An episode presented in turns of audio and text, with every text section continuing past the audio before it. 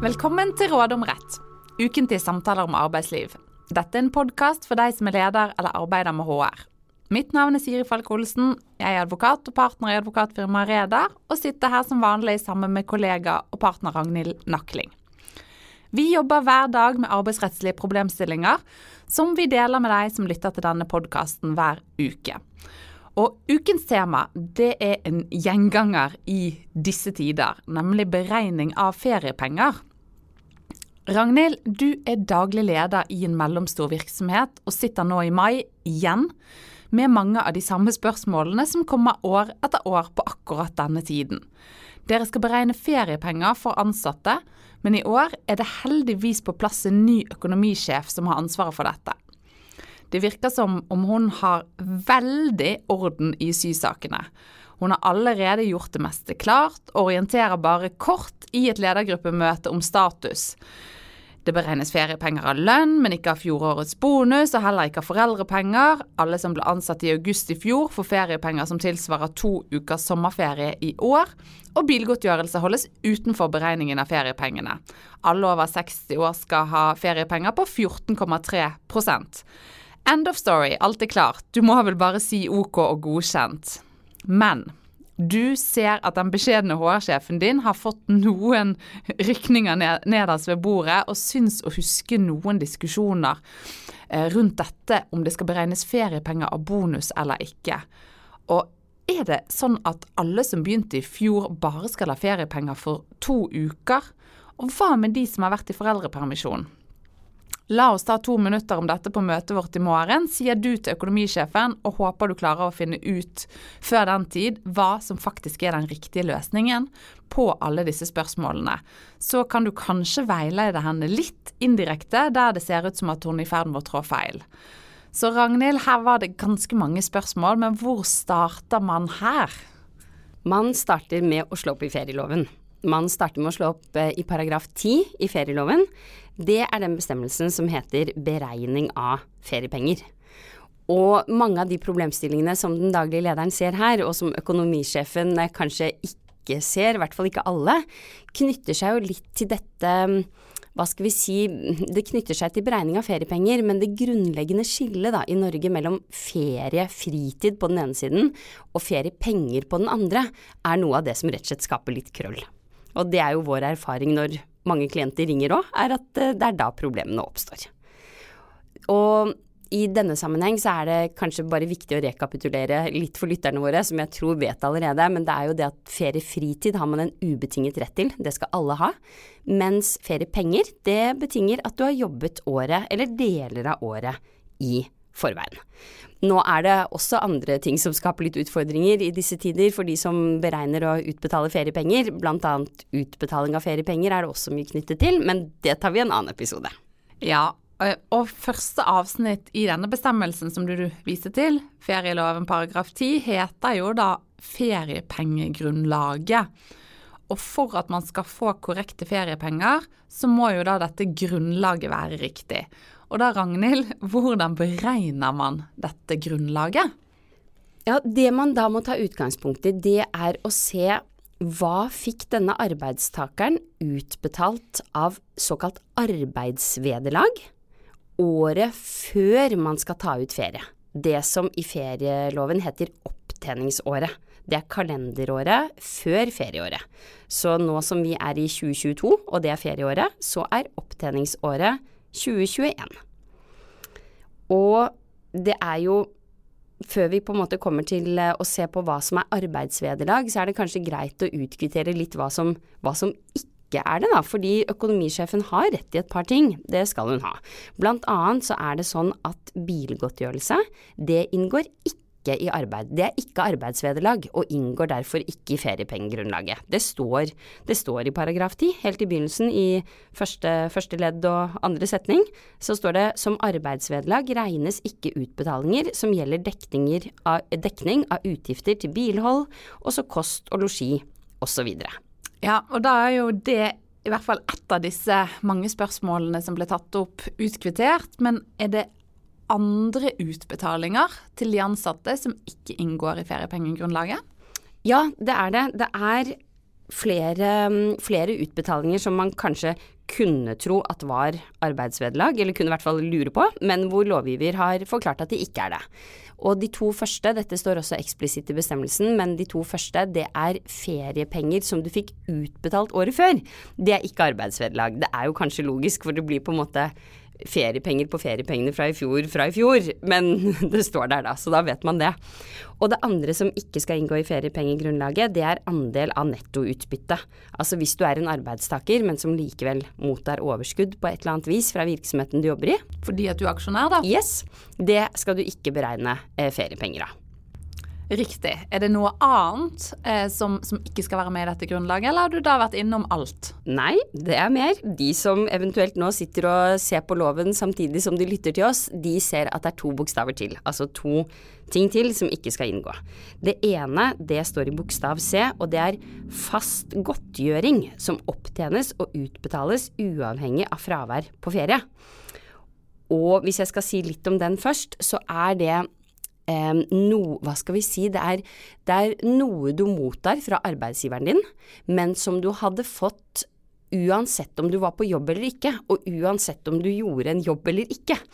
Eh, et eksempel kan kanskje være eh, kommer nok litt tilbake til det senere, men kan være en sånn signeringsbonus som mange får når de Eller mange er nok veldig feil å si, noen. men noen kan finne på å få det hvis de bytter jobb eller begynner å jobbe et sted og får en sign-on-fee på godt norsk. Det er noe du får ikke det er jo selvfølgelig fordi du skal begynne å jobbe der, men du får, det er ikke vederlag for arbeid, du bare får det, holdt jeg på å si, Jeg er såpass heldig. Og det vil da kunne puttes eh, innunder dette med fast godtgjøring, som du får uansett. Og den neste, det er eh, i bokstav D, så står det om verdien av varer, tjenester eller andre fordeler som ikke er pengeytelser. Det kan være eh, avis. Mobil. Mobil. Ja. Det inngår ikke i feriepengegrunnlaget. Riktig. Og nå har jo du snakket en liten stund om hva som ikke skal inngå i feriepengegrunnlaget, eh, sånn at vi har oppklart det. Men, men, hva er det som da inngår? Eh, hva er arbeidsvederlag? Det er kanskje også greit å si noen ord om? Absolutt, for det er jo det man skal beregne feriepenger av, og det er jo det som skal være korrekt, og det som skal sørge for at arbeidstakeren har noe, rett og slett noe å leve av når man tar ferie. Fordi når man tar ferie, så er man jo ikke på jobb, og da får man ikke lønn. Arbeidsvederlag, det er enkelt sagt alle utbetalinger som ikke dekkes av de unntakene jeg har vært inne på nå, og som har noe med det å gjøre at du gjør en jobb. Det er noe du økonomisk mottar fra arbeidsgiver fordi du jobber. Og det som er aller enklest, er jo selvfølgelig fastlønnen din. Det inngår. Overtid inngår. Skifttillegg, ulempetillegg, alle andre mulige tillegg som man måtte motta. Noen ganger så er det jo noen paralleller er det kanskje til dette Her snakker vi jo om feriepengegrunnlaget. Og så er det jo også ofte et spørsmål hva inngår i pensjonsgrunnlaget. Her er det noe som er likt, men ikke alt. F.eks. overtid eh, kan unntas fra pensjonsgrunnlaget. Det kan ikke unntas fra feriepengegrunnlaget. Det inngår der. Og ellers så ja, så er det på en måte det er, det er mindre vanskelig, vil jeg si, da, hva som skal inngå, for det er nesten alt. Men når du sier at nesten alt skal inngå i feriepengegrunnlaget, hvorfor tror du da at denne økonomisjefen tenker at bonus ikke skal inngå? Det vil jo typisk være en utbetaling som man får fordi man jobber. Er ikke du enig i det? Jo, helt enig. Og jeg tror at hun tenker det for det første fordi det nok har vært en utbredt praksis, i hvert fall tidligere, om at bonus ikke inngikk i feriepengegrunnlaget. Det var nok ikke noe eh, rettslig hjemmel for det, altså det var ikke lov før heller, men jeg tror ikke det var alltid så vanlig at det inngikk. For det andre så tror jeg kanskje det kan knytte seg til at nå er jo bonus noe som noen sektorer i arbeidslivet ikke har i det hele tatt, men så er det noen sektorer som har det, og hvor det kanskje også etter hvert utgjør en større andel av lønnen. Eh, sånn at det er mange arbeidstakere som er blitt oppmerksom på at det skal inngå, da, og at det er, er viktig. Men, eh, men, i dag er det avklart at bonus det inngår i utgangspunktet, det er arbeidsvederlag. Og finnes det ingen unntak fra, fra, den hovedregelen om at bonus alltid inngår i feriepengegrunnlaget? Finns, kan du tenke noen unntak fra det? Ja, jeg kan det, fordi som eh, de som hører på oss nok vet, så er det sjelden er noen regler uten unntak, eh, og de fins her også. Det ene eksempelet jeg var inne på i sted, dette med sign-on-bonus, det kan unntas. Der tenker nok jeg at det mest naturlige er å si at det kan unntas fordi det er en fast godtgjøring som opptjenes uavhengig av om du er på jobb, dvs. Si at den allerede kan unntas etter bokstav C. Det er ikke fordi det Ja, det, det er på en måte klart så fins det Ja, det fins andre typer bonuser. Eh, stay on-bonus, hvis man skulle være så heldig at noen betaler deg fordi de trenger deg så mye at du ikke kan slutte. Men um, på den så blir det en mer konkret vurdering. Men du tenker at der kan det være en vurdering av om det faller utenfor? Ja, det er det jeg sitter og tenker på nå. På en måte så er det litt vanskelig å si, syns jeg, fordi en stay on-bonus gis jo nettopp fordi at du skal jobbe, da, og fortsatt være ansatt. Eh, så jeg vil si at den som i utgangspunktet vil falle innunder. Så egentlig for å oppsummere, til alle arbeidsgivere så er det en klar huskeregel at bonus, det skal det beregnes feriepenger av. Absolutt. Ja, da har vi fått svar på, på dette spørsmålet, om, om, bonus inngår i feriepengegrunnlaget, og om bilgodtgjørelse skal inngå. Og det skal det ikke. Eh, og vi advokater får jo ofte spørsmål om det skal beregnes feriepenger av penger en ansatt mottar i forbindelse med inngåelse av en sluttavtale. Altså hvor man blir enige om at et ansettelsesforhold skal avsluttes. Og hva er svaret der, da? Eh, den daglige lederen vår eh, kommer nok borti den type situasjoner også, selv om ikke det var et konkret spørsmål enda. Ja, det stemmer. Og mm, igjen så er det jo viktig, sikkert for oss å si, Siri, at det er jo heldigvis sånn at det ikke er mange arbeidsforhold som avsluttes gjennom sluttavtaler. Men nå er det sånn at vi ser jo ofte litt mer av den type situasjoner, kanskje fordi det er nettopp da man har bruk for advokat. Og i de sakene så kan dette spørsmålet ofte oppstå. Får jeg feriepenger av det eh, jeg nå får, eller skal arbeidstakeren motta feriepenger av de ytelsene som han eller hun får som en kompensasjon fordi man blir enig da, om å avslutte arbeidsforholdet med en sluttavtale, som jo ofte er som et alternativ til en oppsigelse. Og der er det igjen, man må egentlig ta utgangspunkt i selve avtalen, tolke den, man kan bli enig om det man vil, det er utgangspunktet. Men det vil nok være en presumsjon for, altså at man i utgangspunktet nok legger til grunn at den utbetalingen du får mens du er i oppsigelsestiden, selv om du skulle fått fri, det inngår i feriepengegrunnlaget. For det er jo den lønna du skulle hatt. Eh, mens hvis du skulle få et sluttvederlag, en sluttpakke på en måned eller mer, så er det utgangspunktet ikke noe som inngår i feriepengegrunnlaget, for dette er ikke arbeidsvederlag. Jeg er enig, og det selv om det ikke finnes lovregler knyttet til akkurat dette, så er, jo dette det som vil være en veldig vanlig praksis for de aller fleste rundt sluttavtaler. Absolutt. Eh, ok, men da har vi etablert dette med feriepengegrunnlaget. Eh, hvor mye av dette grunnlaget får man i feriepenger? Eh, hvor mye får ansatte utbetalt? Ja, der eh, er det et annet eh, en, eh, no, et, eh, et, sted hvor det ligner litt på pensjon, i hvert fall innskuddspensjon, men likevel skiller seg veldig. Fordi på pensjon så må man jo vente litt i spenning da, på hva slags ordning du har på arbeidsplassen. Hvor, mange, hvor stor er innskuddsprosenten her? På feriepenger så er det mye enklere, der kan du slå opp i loven.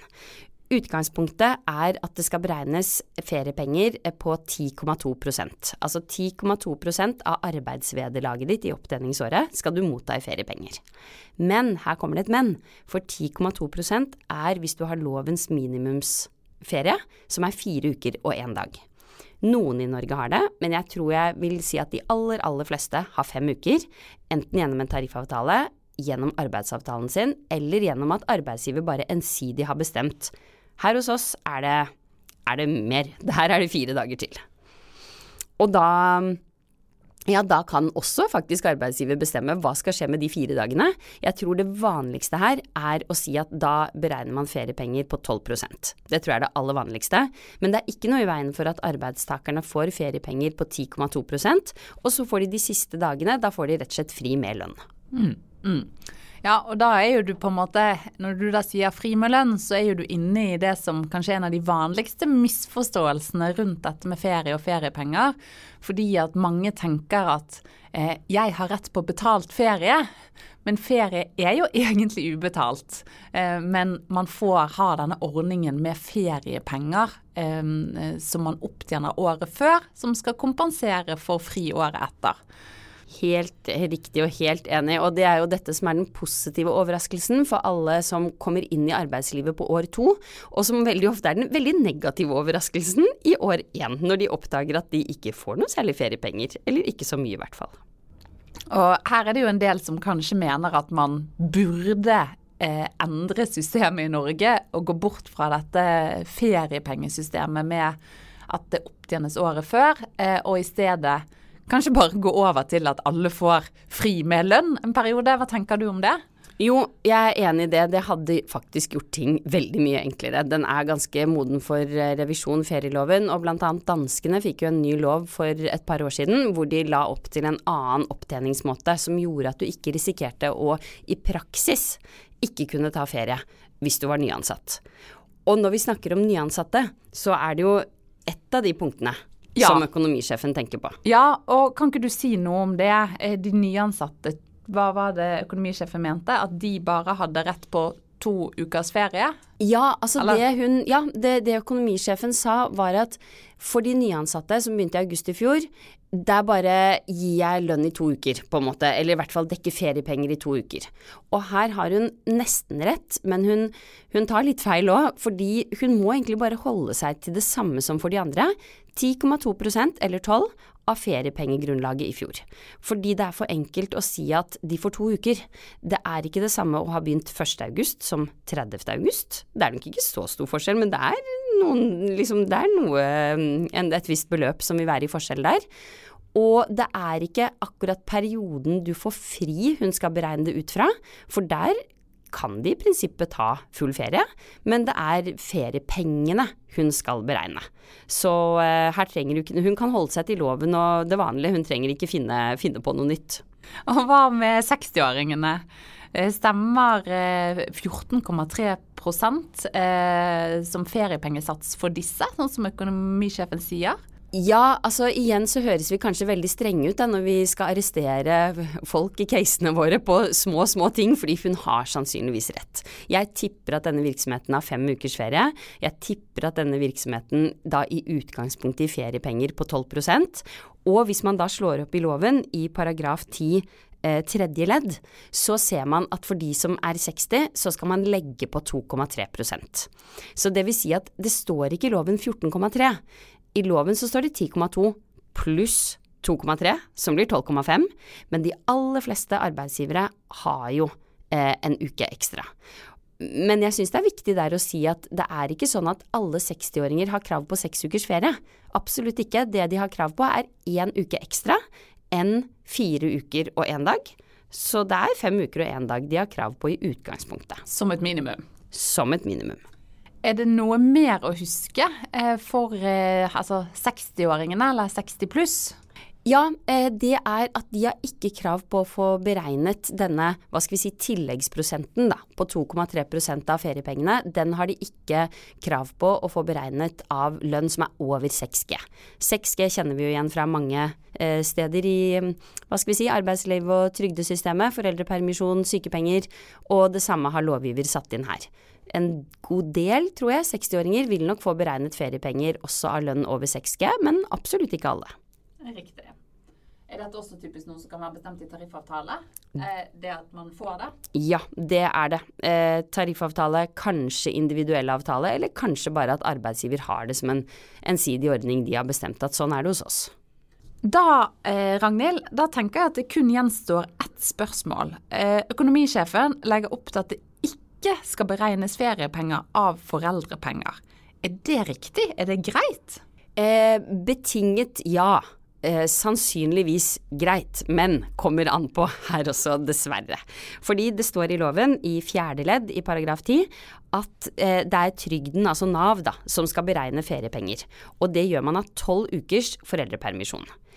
Det er da ikke arbeidsgiver som skal beregne feriepenger her, så økonomisjefen har jo da i utgangspunktet rett.